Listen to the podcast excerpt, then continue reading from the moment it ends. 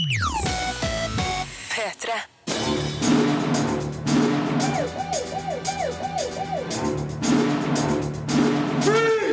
Filmpolitiet! What's your name, dude? Birger Vestmo. What kind of stupid name is that? Ja, velkommen til litt av en premierehelg. Fem filmer får terningkast fem her i Filmpolitiet i dag. Det kan jeg ikke huske har skjedd før, faktisk. American Hustle er en herlig retrofilm. Blind er en helt spesiell filmopplevelse.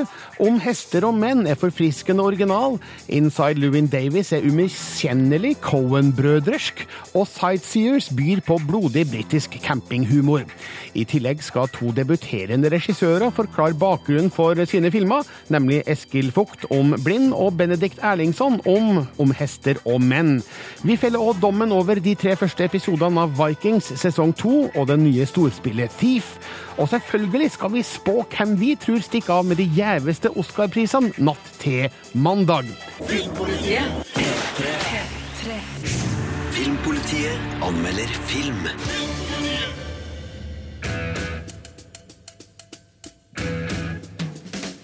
American Hustle starter med en tekstplakat som sier at noe av det her faktisk har skjedd.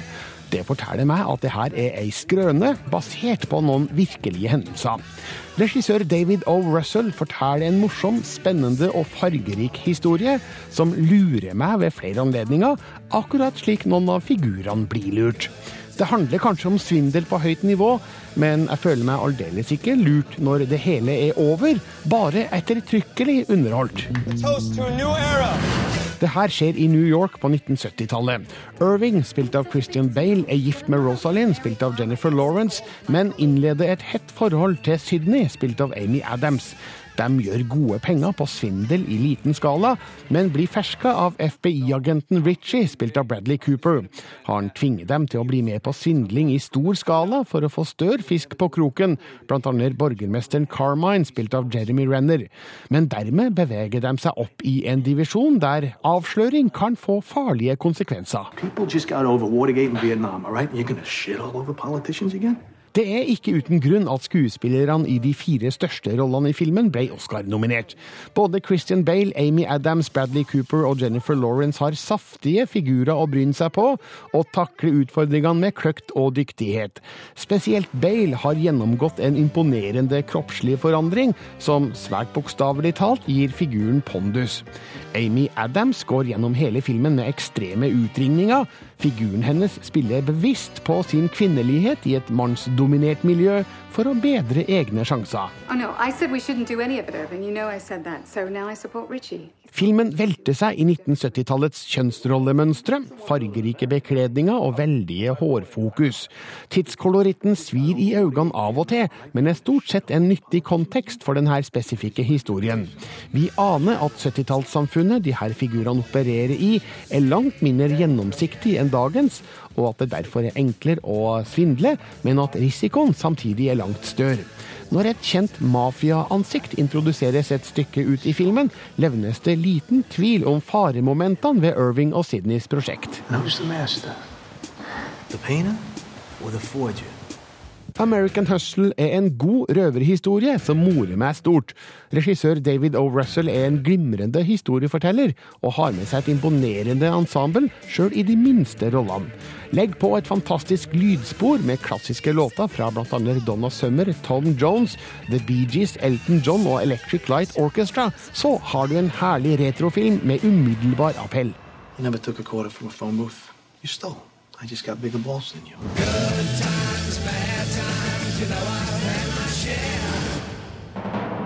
Terningkast fem. Les mer om film, spill og serier på p3.no Filmpolitiet. But tonight is the big one. The one they've been waiting for. The gold standard. It's the Oscars. Ja, nå er det like før den store festen i Hollywood. Oscar-utdelinga skjer natt til mandag. Med glitter, glamour og filmpriser til de aller, aller heldigste, eller skal vi si dyktigste. Filmpolitiets redaksjon er samla i studio. Andreas Hatzel Opsvik. Heisan. Marte Hedenstad. Hallo! Rune Håkonsen. God dag, god dag. Og nå skal vi diskutere den aller gjeveste kategorien, altså Beste foto. Nei, vent. Best Sound Design. Nei, vi tar Best Motion Picture of the Year. Det er altså da 1, 2, 3, 4, 5, 6, 7, 8, 9 nominerte i den kategorien. Og vi har ikke sett alt, eh, alle av oss, men noen har sett noe, og noen har sett veldig mye. American Hustle, Captain Phillips, Dallas Buyers Club, Gravity, Her, Nebraska, Filomena, 12 Years a Slave og The Wolf of Wall Street er de nominerte.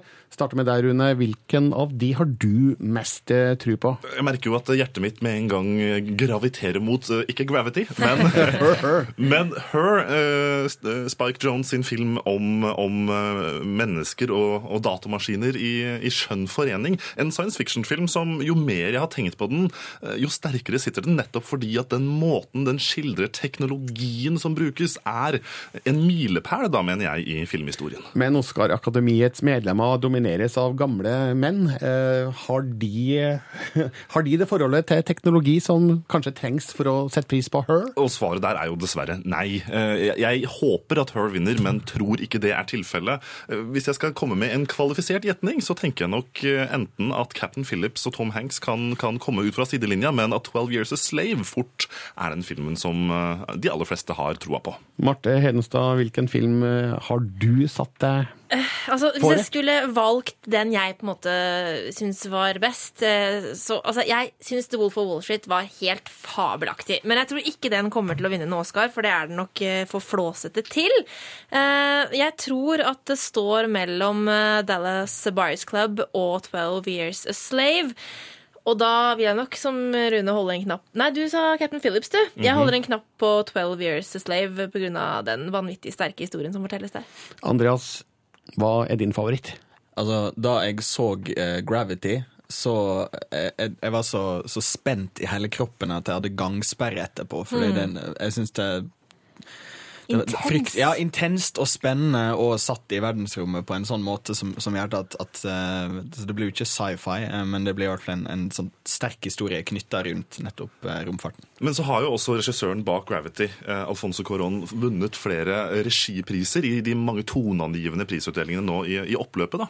Ja, det som er interessant er at Hvis Gravity stikker av med, med den prisen, så blir det den aller første 3D-filmen noensinne til å vinne Oi. Oscar for beste film. Men skal dere ha fasiten? Oi, oi, oi, oi, ja. Altså, Jeg har mest tro på 12 Years a Slave. Jeg har det. Ja. Det er ikke nødvendigvis den beste filmen i det her sjiktet, etter min egen personlige mening, men eh, det har jo vist seg historisk sett i Oscarsammenheng at denne typen film ligger veldig godt an. Den forteller en sterk historie. Den er veldig godt laga, utrolig godt eh, spilt i de største rollene. Um, den har liksom den eh, klassiske Oscar-schwungen over seg, uten at det kanskje er lett å peke på hva det er for noe. Men eh, hvis jeg ser på de ni nominerte her, hvilken av de ni er det vi kommer til å huske om ti år? Det er ikke 12 Years a Slave, det er Gravity. Det er den som kommer til å, å stå igjen når eh, 2013 er glemt, som den aller beste filmen eh, blant disse ni da, fra, fra det året. Jeg fikk gåsehud av det, det du sa nå, Birger. Jeg er helt enig. Men jeg må si, altså, Flere av de mm, ordene du nå brukte for å beskrive 12 Years a Slave, kan man også bruke til å beskrive Dallas Buyers Club. Det er en eh, historie basert på virkeligheten. Det er en, en, en, gruppe mennesker som, som er undertrykt i samfunnet, som, som virkelig må ta saken i egne hender for å på en måte, altså de aids-syke, da, for, for å komme opp eh, og fram i eh, 80-tallets Texas. Texas. Er det helt usannsynlig at også denne historien kan, kan stikke av med prisen? da? Eh, ikke beste film, det har jeg ikke trua på, men jeg tror kanskje Matthew McConaughey ligger godt an i eh, beste mannlige skuespillerkategorien. Det er helt klart.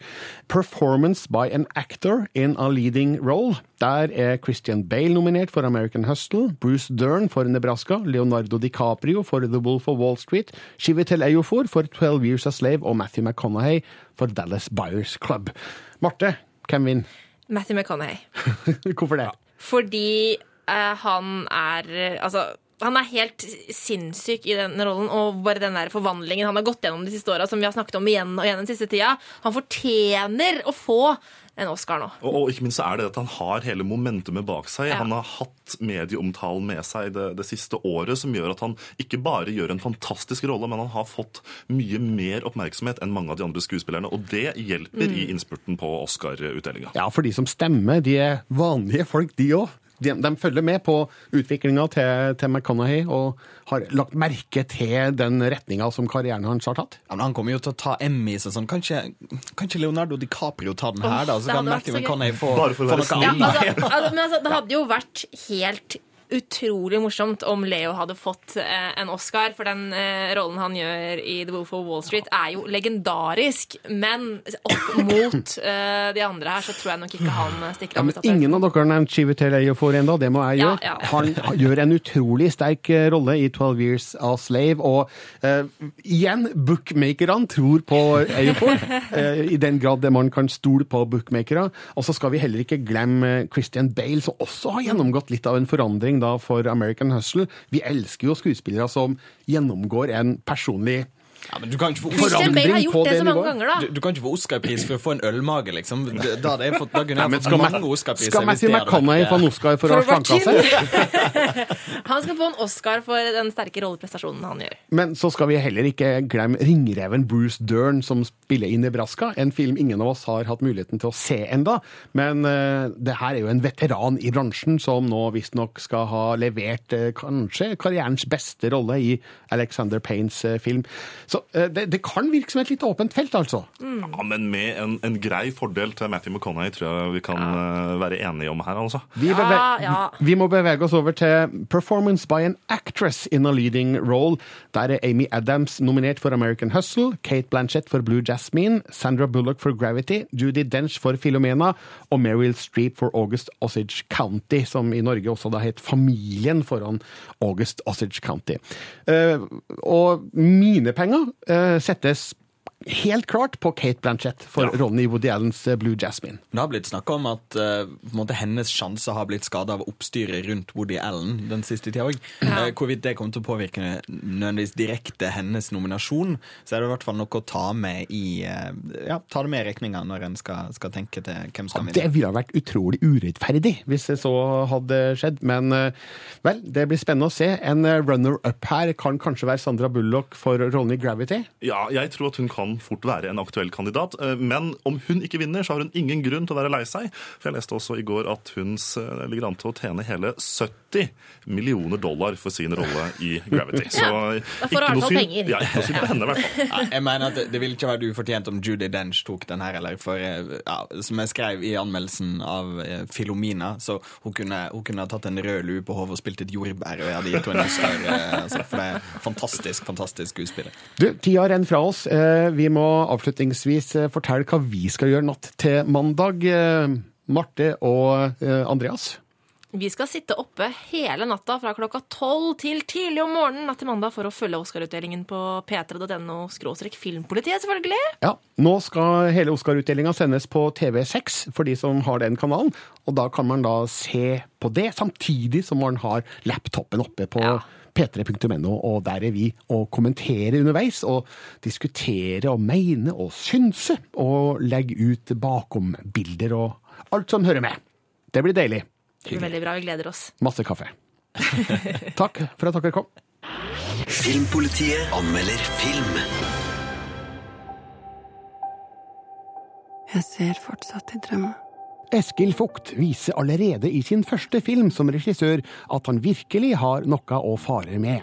Blind er et stemningsfullt drama der han leker med spennende filmatiske virkemidler for å fortelle sin sjølskrevne og interessante historie.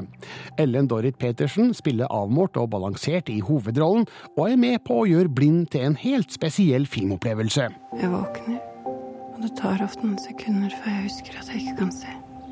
Ingrid, spilt av Dorrit Petersen, har blitt blind og lever stadig mer tilbaketrukket.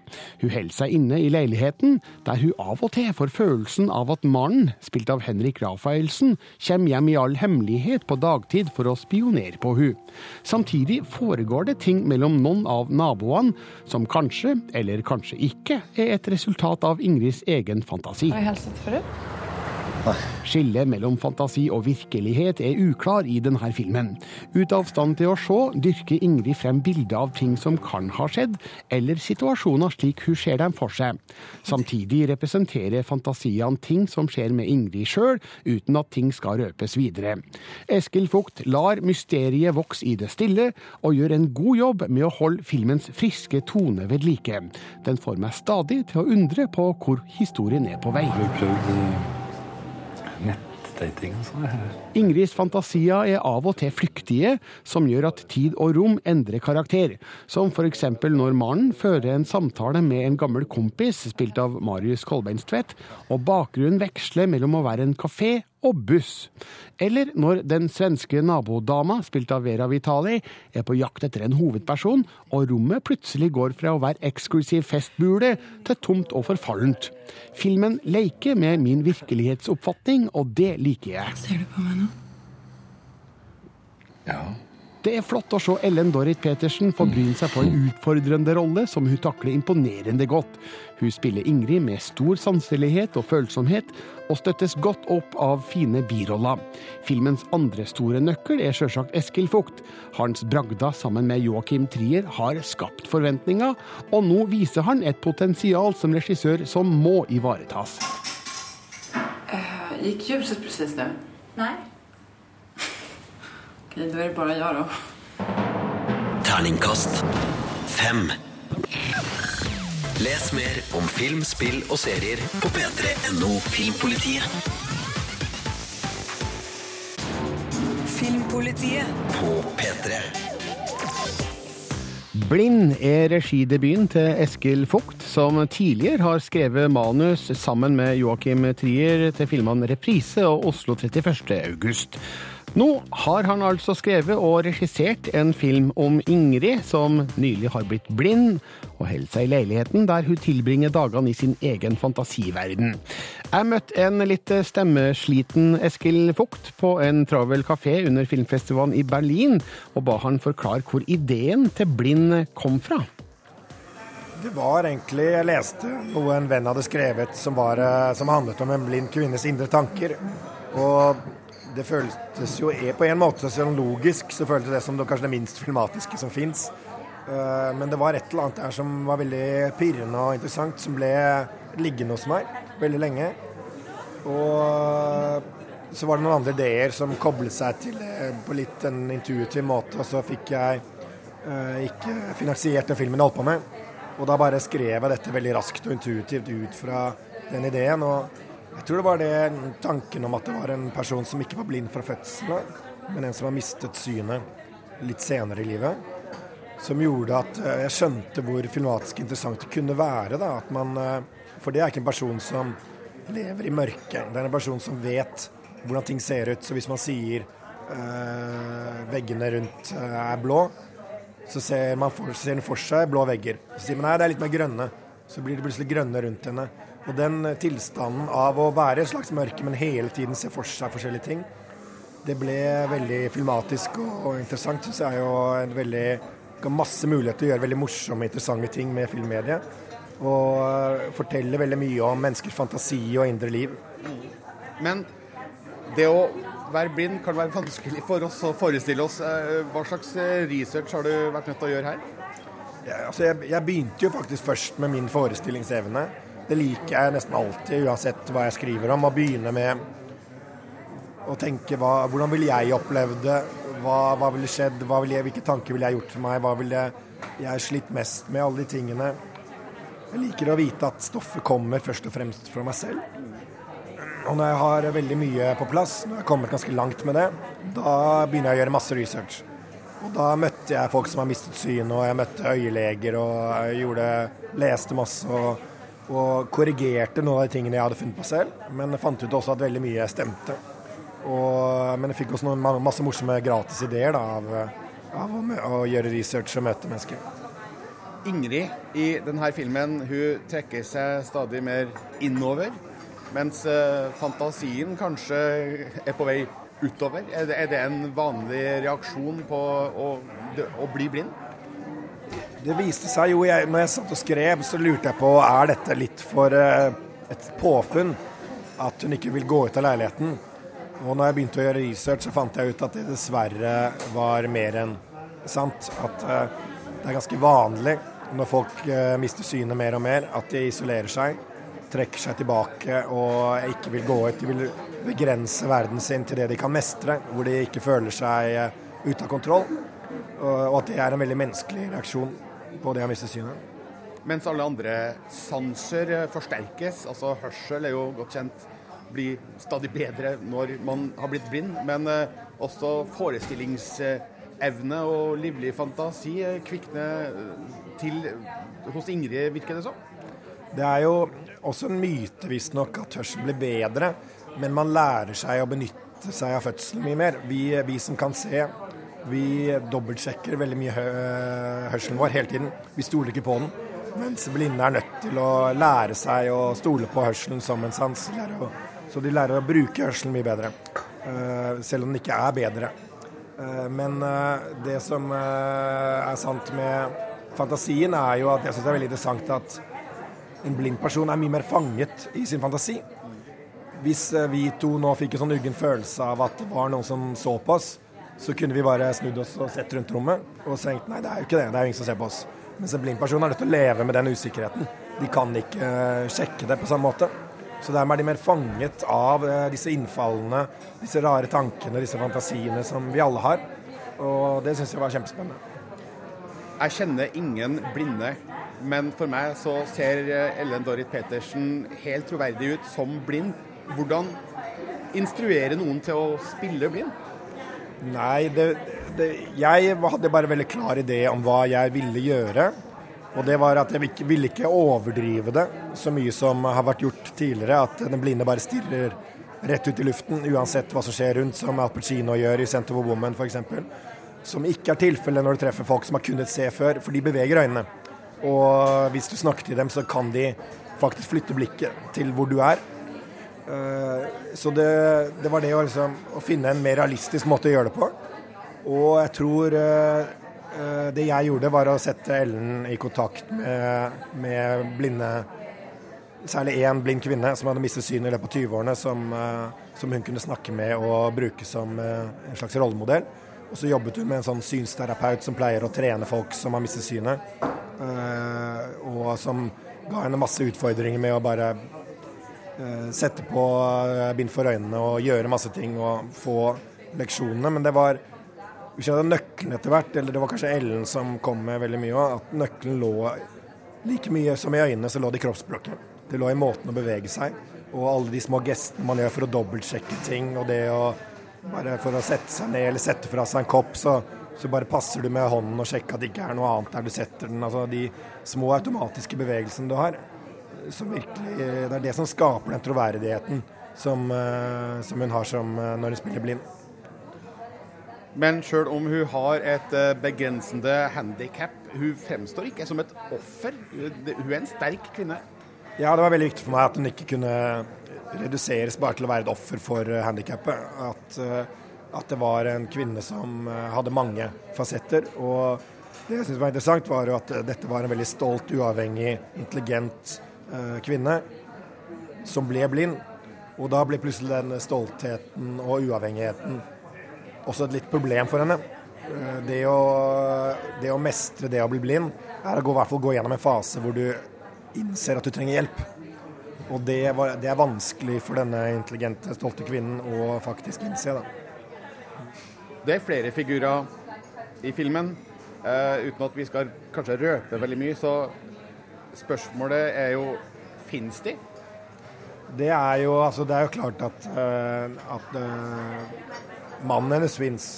Og han er også en del av hennes fantasier, og da blir det jo et åpent spørsmål hvor eh, om de andre fins også, men det som blir veldig tydelig i løpet av filmen, er jo at, de, eh, at hun kan at hun fantaserer om dem, og at mye av det som skjer med dem, er eh, i hennes hode, mer eller mindre.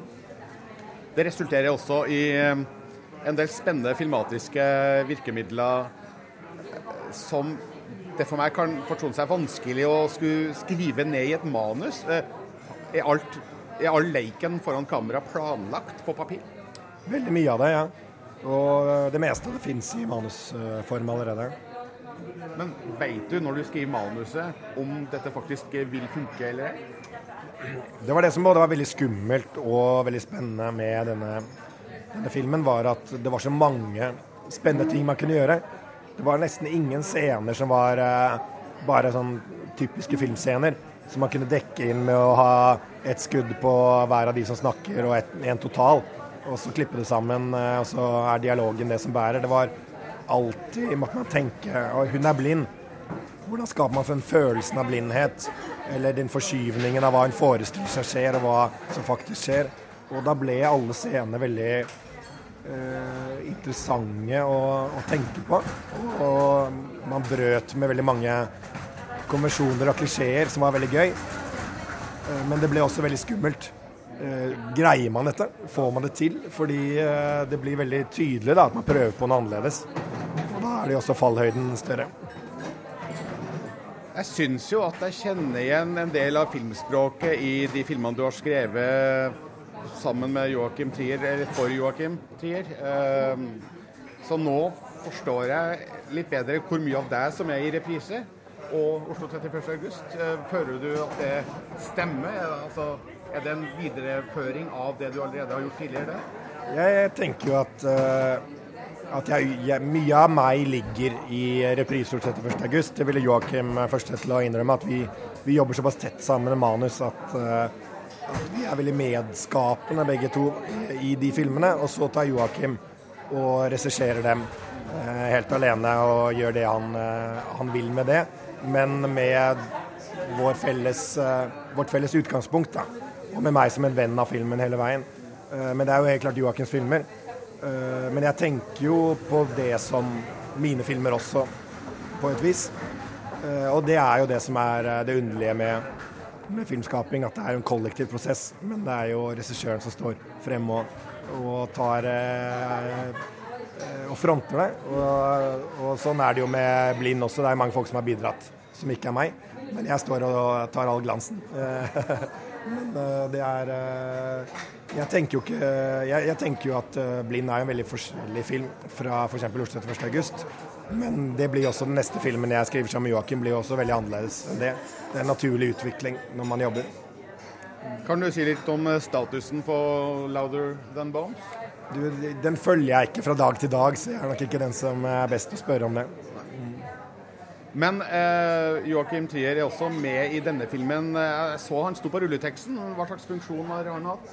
Han, har, han er eh, assosiert produsent. Han er egentlig bare Siden Joakim har mye mer eh, erfaring enn meg å stå på sett. Det er en stund siden jeg regisserte mine kortfilmer og TV-ting og sånn, så han har hjulpet meg med å han var, eh, ja, første, den første leseren av manus. Når manus var ferdig, så leste han og ga feedback som den første i, eh, av alle. Og han også hjalp meg med å finne folk han trodde jeg kunne jobbe bra sammen med i et filmteam. Og uh, var innom i klippen flere ganger og så uh, som, en, uh, ja, som en venn av prosjektet, rett og slett. Jeg vil anta at du gjerne vil skrive og regissere mer film. Er 'Blind' en god pekepinn på ting du har lyst til å gjøre? Hvilken sjanger du har lyst til å bevege deg i? Er, det tror jeg det er, for 'Blind' er jeg tror jeg skrev den og lagde den såpass intuitivt at den er på en måte veldig eh, en god gjengivelse av mye av min personlighet. Både det gjelder eh, humor og, og en veldig bred filmsmak.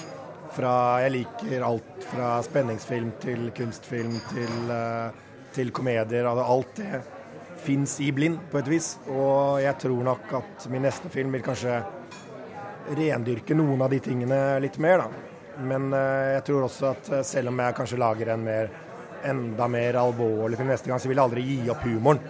Ja, det er viktig at det er eh, at man har et par steder man kan le en film, nesten uansett hvor alvorlig den er. Så det blir ikke zombiefilm? Nei, selv om jeg har, jeg har en periode i mitt liv vært veldig glad i splatterfilm, og så veldig mye av det også, så jeg har ikke noe, ikke noe problem å se Evil Dead-referansene i Død snø, f.eks. Jeg, jeg føler meg inne i den sjangeren også, som filmtittel. Dette er Filmpolitiet på P3. P3. Du hørte Eskil Fugt fortelle om eh, filmen Blind, som vant manuspris på Sundance. Den vant prisen Europa Cinemas Label i Berlin, og har altså norgespremiere i dag. Filmpolitiet anmelder film. Om hester og menn. Vil ikke rart? Nei. Det uløselige båndet mellom hester og deres eiere er grunnlaget for en samling bisarre historier fra Island. Regissør Benedikt Erlingsson skildrer tragikomiske skjebner med en stor grad av sort humor, smarte observasjoner og en utsøkt miljøskildring som plasserer oss trygt ut på islandsk bygdegrunn. Filmen er ofte hylende morsom og litt sørgelig nesten på samme tid, samtidig som den forteller sannferdig om mellommenneskelige og mellomhestelige relasjoner. Historien er altså lagt til den islandske landsbygda, der hest er et sentralt element for alle involverte. Vi møter bl.a. ungkaren Kolbein, spilt av Ingvar Eggert Sigurdsson, som på formelt vis kurtiserer Solveig, spilt av Charlotte Bøving. Men forholdet møter uventa motgang når hennes hingst, i en ekstremt morsom sekvens, får muligheten til å bedekke hans hoppe. Måten det her skjer på, bivåner gjennom naboers kikkertlinser, forsurer forholdet og åpner muligheter for andre kvinner i dalen. Det her er bare én av flere små historier, som hver og en forteller noe om menneskers feil og mangler, samt hvordan deres liv avhenger av hestehold, både på godt og vondt. Deres forhold til de firbeinte speiler hvordan de forholder seg til andre mennesker, og omvendt. Regissør Erlingsson har et godt øye for ulike mennesketyper, og den ofte skjøre dynamikken i mellommenneskelige forhold. I denne filmen er små blikk nok til å avsløre flammende hat eller den dypeste kjærlighet. Om hester og menn er majestetisk filma i nydelige fjell og daler på Island. Regissøren bruker enorme baktepper for å understreke menneskets ubetydelighet i den store sammenhengen, samtidig som han går svært tett inn på hesteauga, som for å speile deres indre sjelsliv. Man kan saktens lure på hva hestene skulle mene om sine eieres mer eller mindre gjennomtenkte handlinger. Av og til får man inntrykk av at hestene er de smarteste skapningene i historiene som fortelles. Den episodiske strukturen på fortellinga forhindrer ikke et imponerende helhetsinntrykk. Om hester og menn er et morsomt og underfundig innblikk i menneskers kamp for kjærlighet, respekt, ære og andre viktige ting i tilværelsen. Skuespillerne er førsteklasses, miljøskildringa er unik, og originaliteten er forfriskende. Det er smått utrolig at det her er Benedikt Erlingssons debut som spillefilmregissør, for han har et stilsikkert grep rundt historien og mediet han bruker til å fortelle den i. Terningkast fem Filmpolitiet. på P3. Den islandske premierefilmen om hester og menn som er anmeldt i sted, er regissert av Benedikt Erlingsson. Han har tidligere utmerka seg som teaterinstruktør og skuespiller, både på scene og på film. Når han nå debuterer som filmregissør, er det med en bisarr og burlesk skildring av forholdet mellom hester og mennesker i et lite lokalmiljø i Island. Jeg møtte Benedikt Erlingsson på Tromsø internasjonale filmfestival og ba han forklare bakgrunnen for denne historien. You have been working a lot in theater and you have also been acting, but this is your first long film as a director. Uh, why try this now? Uh, well, it's um, uh, I don't know. It, it just um, there was this growing pain that I had to kill, as my as the, I we sometimes say. The film just um had to come, and um, but this media has always fascinated me, and uh, and the film media has influenced the theater uh, language, like theater has influenced uh, film, and. Uh, uh, for me, it was just a very logic step. I start as an actor, uh, and then I'm I become director and and but continue as an actor and storyteller. And for me, I'm I'm just uh, first and foremost a storyteller. And that is my yrke, som man säger. Och, and uh, to make films uh, are, are just the same thing. But could you use your knowledge from theater and acting uh, when you were directing this movie, or was it a learning process there? No, absolute. I think it's uh, it's the same stuff, you know, and and there is a strange, uh, you know, it's it's obvious, you know, in our short film history, of the world. You know, the film is just 100 years old. Uh, there are a lot of great directors that have come from theater. It's it's it's the perfect the perfect breeding place from for for, for uh, filmmakers, I think. Uh, so if you have a good theater director, he gives a good material and a good film director. We are working with the same elements and uh, story and actors and shape and tension and even editing is you know a part of our job in film. Uh, in in uh, in theater today. You know, you you you or editing technique or or, or think about story or working with editing like in theater. That is what you do in the last two weeks when you put the show together. And uh, so um, I would say I, I'm ex. I, uh, for me, I don't feel like a newcomer, but of course I'm a newcomer in, in that sense. But the story intrigues me. It's uh, quite a special story, and I can't imagine how an idea like this comes about. Can you explain Yeah. a bit the background? Yeah, well, I think it's very important that, you know, I think uh, we as a publicum, we are a little bit bored of the straight story.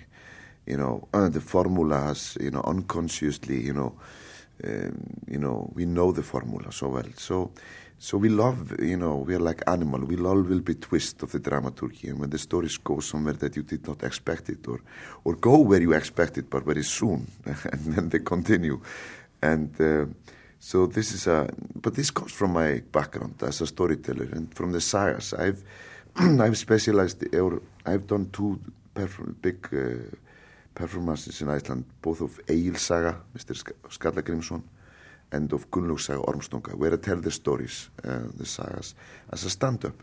And it's part of my background. My my grandfather was a, a you know storyteller, and my parents are storytellers, and and I'm um, very interested in this oral culture of storytelling and the, the form of this uh, manuscript of the film. It comes from, you know, storytelling. You can say it's the, skröna, heitir þetta på uh, nor- norska måske. So, and that's how we entertain each other with skröner. And, and, um, and um, the, the, so that, that's may- maybe the, maybe that is the and then of course my background with in, with horses of course. So so I'm very interested in horses and I've had horses from young age and fascinated by this horse culture. And for me it was very logical and basic uh, making my first film to to make it you know in my home home area home ground you know of horses and men and, you know to make something something that I knew of we meet a lot of different interesting characters in the film, uh, but um, the story is not exactly driven by dialogue. It's very sparse, and you are using expressions and actions to explain who they are. Uh, uh, is there any special reason for doing it this way? Uh, I believe in the new era of the silent film is coming. I want to make silent films with sound, of course, and music. But you know, you know, as you say, you know, talk, talk, talk is cheap. You know, Uh, in film business, talk is cheap. you know, "Ah, I like your film. Ah, you know, uh, so and of course, when you have all this equipment, you know, all this all this magical tool, you know, you can't tell stories without it, and they did it in the old days, and uh, and uh, then you need a strong story also, and you know, you need some some drama, you know, and um, but it's it's a form that I like very much, and I think it's important. Are they in any way inspired by people you know or knew from your home place? Mm, Yeah, absolutely. You know, these are, you know, my, my countrymen, they recognize in every, a lot of, you know, because this is in, from special area in Iceland where I, I in Borgafjörður and Skagafjörður.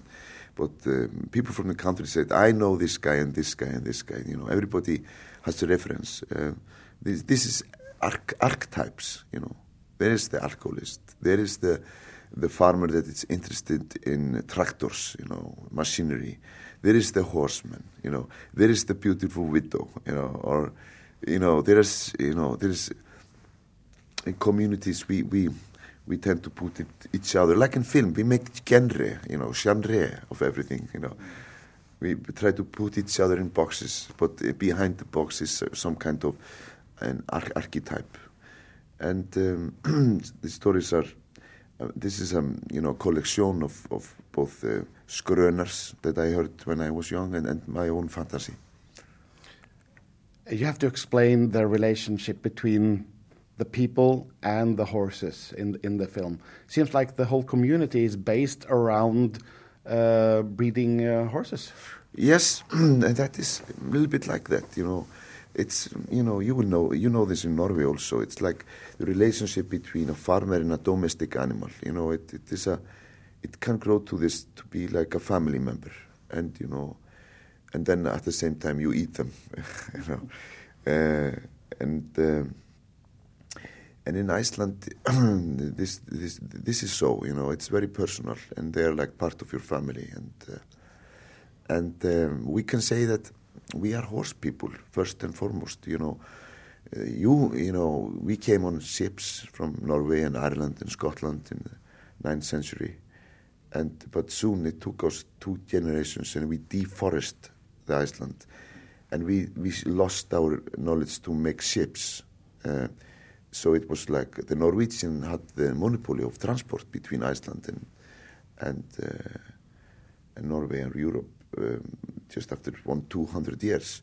So what happened? But but we what we we had were the, were the horse culture, and that is you know this, this is the same horse. There has not been horse imported in thousand years, and uh, and this has stayed with us. So this is the, the this is the most maybe ancient of, of our living living culture, the settlement culture. That is the horse culture. How you treat your horses, how you tame your horses, and how you live with horses. You know, collect horses, uh, setting them free. You know, and um, they are writing books about horses, describing their faces. You know, their families. You know, the family tree of horses are just as complicated and, and big, and there's a big database of the family, you know, trees and so on. So, so that's um, I think it's a very fascinating world, you know, and I thought it was a great backdrop. But of course, it, this is a film about people, and in a way, it's a little bit from the perspective of the horse, you know. Uh, so it's uh, it's the people and the co- coexistence of these two animals, the the horse and this dangerous animal, Homo sapiens. You actually credit the horses at the beginning of the movie uh, Oh. together with the actors. Uh, wh- what do they th- think of that? Well, uh, um, one of the horse that is, I can say, is killed in the film uh, is not, of course, killed in the making of them, but we did not, you know, we did not harm any animal in making of this film, and that's absolutely true. And to prove that point, I invited this horse to the premiere. Uh, her name is Brauk from Arnbjörgum. Uh, she is one of the stars of the film. She is credited in the beginning with the star actors in, in the end. And, she went, we, she came with us on the red carpet. Um, and it's, you know, in the essence of the film. And, you know, they are, they are the vehicle here. And they are, they are characters. And, and for me, I say, you know, it's, uh, it's it's funny because we are very interested in people, you know. And when uh, you are editing film, we had this dialogue, me and my editor, because I wanted close up of horses, you know. And he said they are all the same, you know. We are interested in faces, you know. But you know, I think we got some balance there, you know, Mm. because it's something with the eye of the horse or eye of an anim- any animal. When you look into the eye, just concentrated into the eye of an animal, you, you recognize something, you know, in yourself. You, you see yourself. So that is the part that, you know, we, we can mirror ourselves in, in the eye of the animal, that we are also maybe also primitive and we are also animal. Yes, uh, I remember sitting in the theater wondering, what do the horse think or feel about its owner? Uh, is there any way of knowing? Yes, it is. Yeah, yeah. Absolutely. How? You know, you can just read in the behavior of horses. You know, they they can be a, they are very codependent animal and and very loving. They thrive on love and they love each other, and they respect and and they can love their owner. Uh, it's different. They are always checking. You know, they are status. They are order picking animals. So there is a status, um, you know, ordering. So and and it's already im- important the man takes a little bit higher status. You can be a friend to somebody and and he can be your fellow, your cooperator. But but there is this, you know, who is who is in charge. Uh, that is the the first. Uh, that you have to establish that with the horse, and the horse wants to have a status, and he wants, he's happy, but uh, but after that there can be created a really a friendship, you know, like horses, like in um, our old tales of Sigurður uh, Fafnisbani, you know, the Sigurd that killed the dragon in Yeah. in the heroic poems of Edda, you know, his horse Gráni, he he cries, he he's standing over the grave of of Sigurd. And in the settlement, uh, as I go to the origins of our Icelandic nations, when we find the graves of the first settlers, the first two, three generations, every grave that we, we find, there is a horse buried with the owner. The cinematography in the movie is astounding. It's beautiful in every possible way. Um, is this uh, your love letter to your homeland? Yes, but the cinematography is, uh, you know, the key figure uh, there is the cinematographer, uh, Mr. Bergstedt Björgupsson. We call him Besti, you know, we call him the best. But and he is, of course, a key. He is also an able horseman, and this was, um, well, I, I, I, in fact, you know, I think uh, it's it's like with all natural resources, they can be misused and they can be your, you know, your handicap. And, and the Icelandic landscape has been a handicap for Icelandic films, I think, because they have focused so much on the landscape. it has been, you know, like a like an advertisement, you know, absolutely, you know, seeking always good landscape. And for me, you know, it was uh, important to follow the story. The landscape was just not pretentiously, obviously, you know. Uh, but uh, I think we, we found the balance there. But uh, but of course it heightens, you know, this platform when you, you see the interaction between these two animals in this beautiful landscape. That of course you know heightens the tension. But that is one of the keys in, in these films. Uh, that is the symbol for cinematography and the music for me. And it was um, very important work with David Thor Jonsson. That is a um, great musician, and I, I know he's a very famous jazz musician and improvised in Norway, in the jazz scene. Mr. Jonsson, David Thor Jonsson. He has he was educated here also, and and has a band here and has been playing here a lot. So see, he worked with me for a long time on this film, and with uh, Bergstedt Björgulsson. So they are like uh, my team, the key, the key figures in, in the creation of this film, and, and of course all the you know the horses, the horse trainers, and my editor, producer, and you know, you know it's a teamwork. We are we are a group of horses running together. I was thinking uh, when you are really filming the wider shots, Yeah. it kind of explains uh, the people's relationship to nature. Uh, they are really small people in a vast country. Uh, is there any uh, thought behind that, or was it? Yeah, well, it's what you say, but you know, I like. I think there's a beauty. We sometimes call it uh, neo-realism. You know, when you hold the frame for a long time, a long shot, maybe a still shot, and and after a while, you know, you think it's too long, but then the energy increases again because it's like the storyteller saying, "What's this? See this?" You know.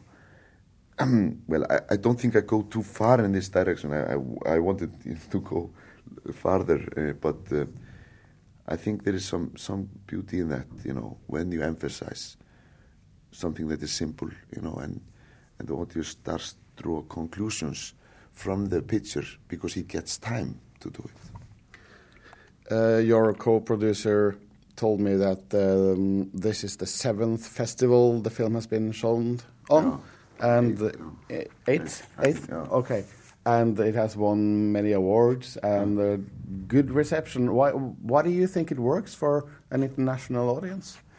I think there is something true in this, you know, this phrase that, you know, uh, dare to be local and you can become global.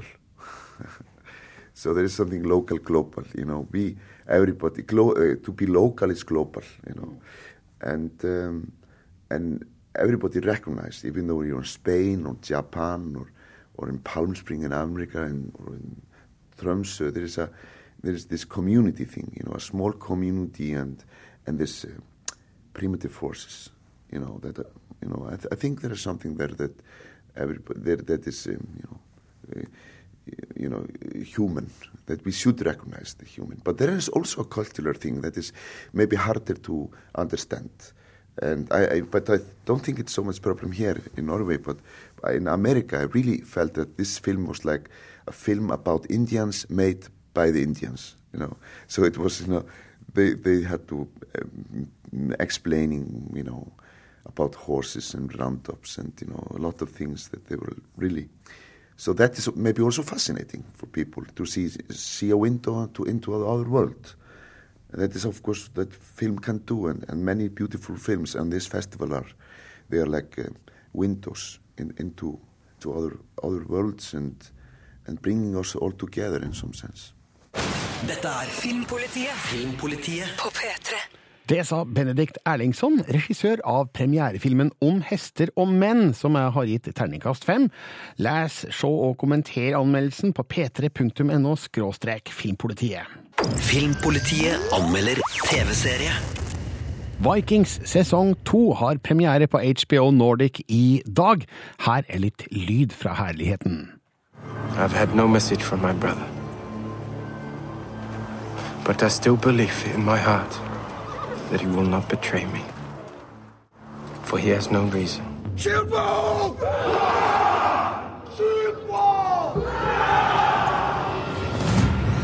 needs a reason for betrayal? One must always think the worst, Ragnar. Even of your own kin. Andreas Hatzel Opsvik, du har sett de tre første episodene av Vikings eh, sesong to. Kan du aller først, bare for de som ikke kjenner til serien, eh, forklare eh, hva er settingen her?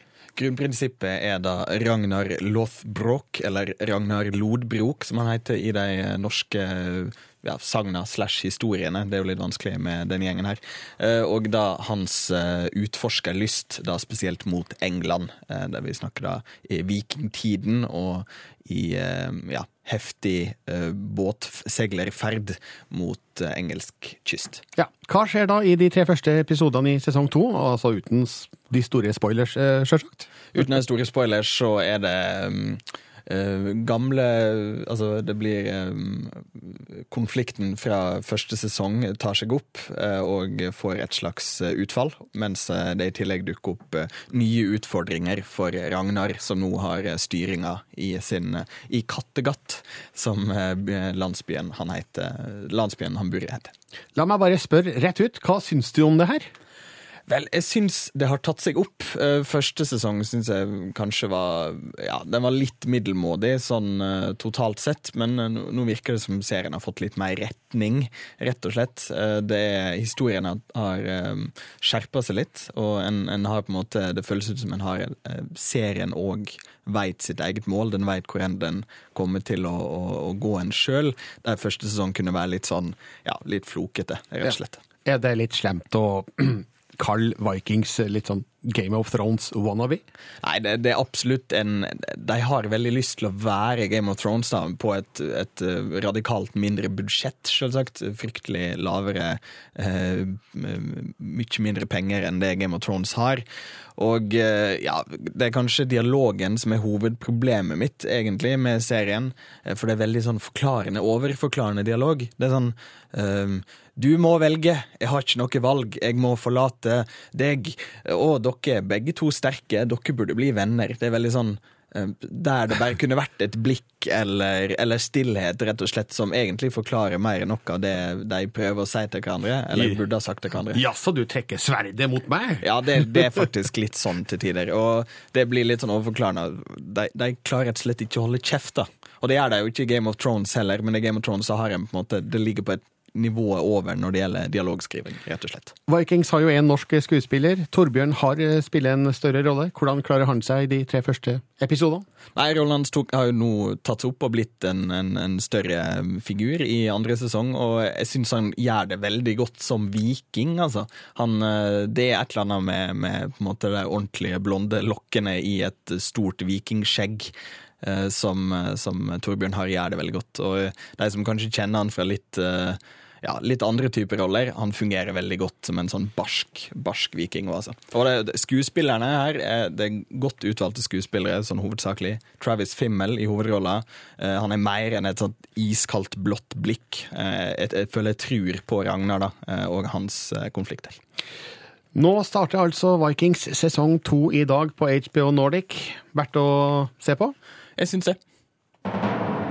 Terningkast fire. P3. P3. Filmpolitiet anmelder film.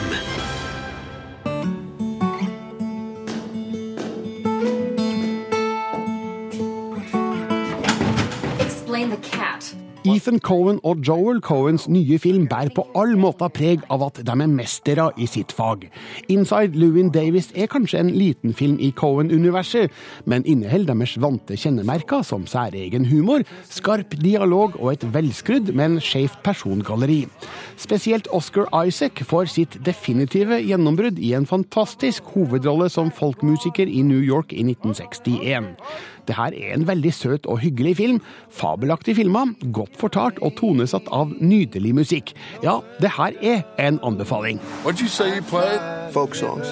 Songs. Historien foregår i New York i 1961. Lewin Davis, spilt av Oscar Isaac, lever fra hånd til munn og søv på venners sofaer.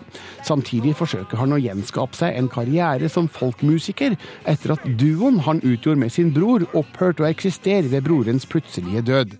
Men i 1961 er ikke folkmusikk en særlig populær sjanger. Få bryr seg. Lewin står ved et veiskille, men nøler med å velge. Han legger ut på en reise som han håper kan forandre alt. Well, if the music's not. What? Quit? Helt fra det første bildet av en vibrerende mikrofon er det klart at Cohen-brødrene har full kontroll over måten de forteller historien på. Billedutsnittene og klippinga er rolig og stødig, uten unødig prangende grep. De introduserer hovedpersonen ved å la han fremføre en lang og rolig folk-musikk-sang med stor innlevelse. Fremføringa får all tid den trenger. Også seinere i filmen lar Cohens scener få utspilt seg i et bedagelig tempo, uten at det overhodet blir kjedelig. Do you ever think about the future at all? Don't worry. With you, I worry. Well. Yes, Oscar Isaac har jeg lagt merke til i biroller i filmer som Drive, Robin Hood og Body of Lies. Men Inside Lewin Davis er hans gjennombruddsfilm på alle måter. Lewin er en umiddelbar antihelt, en slacker med et udiskutabelt talent, men kanskje ikke med evnen til å realisere det. Isaac spiller han med den rette, tilbakelente slepenheten som en Cohen-film behøver. Christ's sake, it's cold out. I don't even have a winter coat. You're kidding me. Take this kid. En Cohen-film hadde ikke vært en Cohen-film uten et minneverdig galleri av skrudde figurer.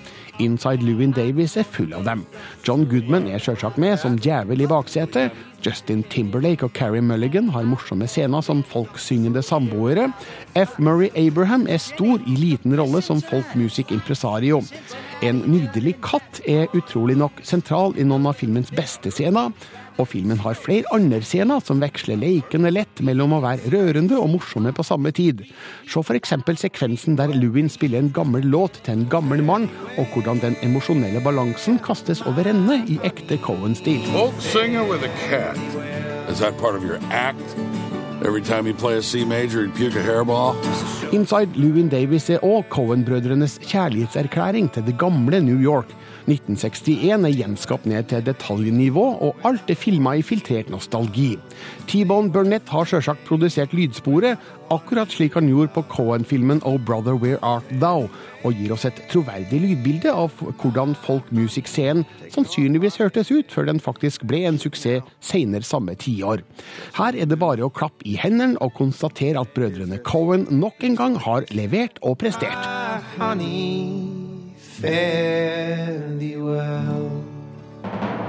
Terningkast fem. Les mer om film, spill og serier på p3.no Filmpolitiet. Filmpolitiet anmelder spill. Do you believe in ghosts? The dead coming back to haunt the living? Garrett, where are you? You were the one I thought I could trust.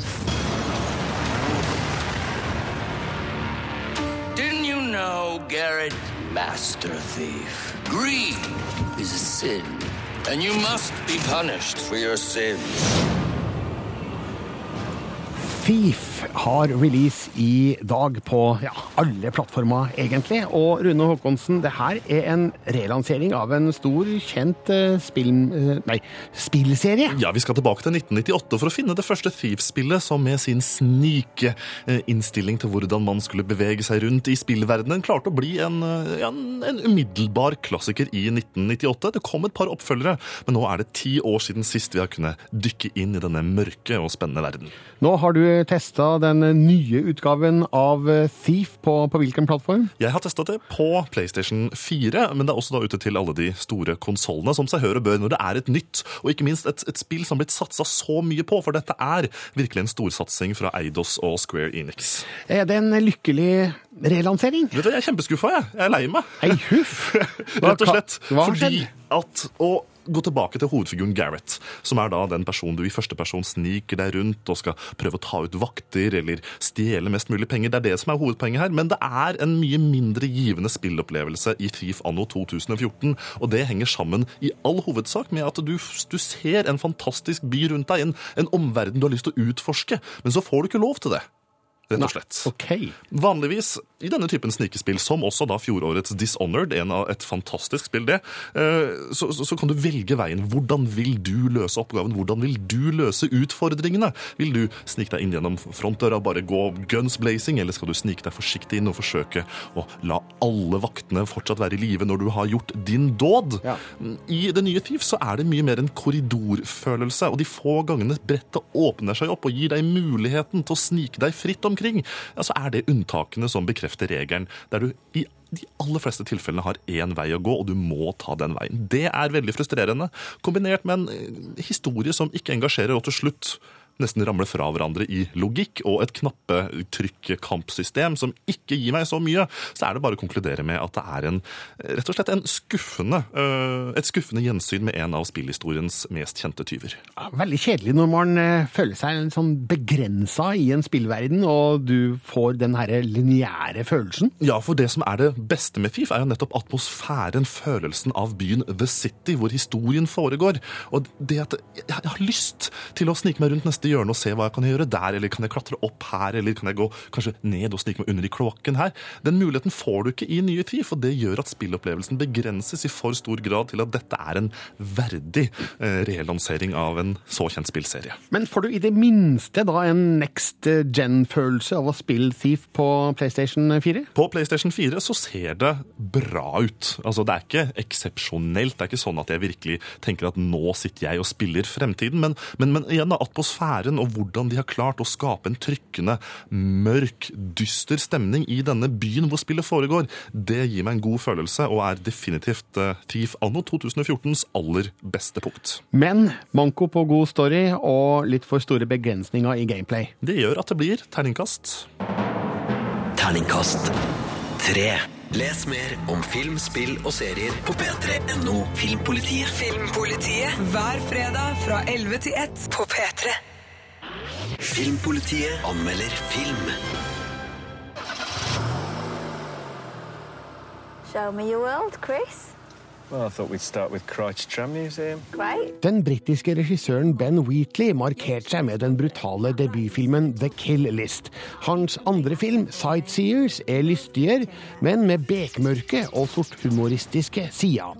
Denne historien utvikler seg nemlig i en ganske uventa retning, og gjør filmen til en sjokkerende, men morsom reise gjennom Englands turistområder. Sightseers har brukt god tid på veien til norske kinoer. Den har f.eks. vært tilgjengelig på Blu-ray i et helt år, men er absolutt verdt å se på stort lerret. Dear mom, Yorkshire is lovely. Not like you said at all. Tina, spilt av Alice Lowe, river seg løs fra sin syke og dominerende mor og legger ut på campingtur med sin nye kjæreste Chris, spilt av Steve Oram. Målet er å besøke klassiske turistfeller på tur gjennom England. Begge fremstår som stakkarslige individer med begrensa sosial kapasitet, noe som setter sitt preg på ferien. Samtidig som de begynner å myrde mennesker som skaper problemer for dem. Ja, du hørte riktig. Det skjer etter hvert flere ting i filmen som gjør at publikum må revurdere sitt syn på figurene. Men samtidig som de utfører uhyrlige handlinger, humrer jeg stort til det jeg ble vitne til. Filmens humor er veldig mørk, men samtidig et befriende element i en historie som ellers ville vært vanskelig å svelge, som flere blodige drap av uskyldige mennesker. Alice Lowe og Steve Oram spiller glimrende som to stakkarslige sjeler som har all odds mot seg. De befinner seg langt ned på samfunnsstigen, men forsøker etter beste evne å ha en fin ferie, samtidig som de forsøker å finne seg til rette med hverandre. Jeg liker faktisk filmens plutselige dreining veldig godt. Den sparker løs med noen harde scener der latteren omtrent setter seg fast i halsen. Regissør Wheatley viser mer enn gjerne de direkte konsekvensene av Chris og Tinas handlinger, mens de sjøl virker å synes drepinga er helt på sin plass. Sightseers er definitivt en annerledes film med en særegen tone. Den kan minne litt om Klovn the Movie, der to antenneløse figurer forårsaker stadige katastrofer på tur, bare med verre konsekvenser. Regissør Ben Wheatley lykkes i å skape en atmosfære av uggenhet som med jevne mellomrom forløses av vantro latter. Sightseers er et friskt pust av blodig campinghumor som ikke glemmes så lett.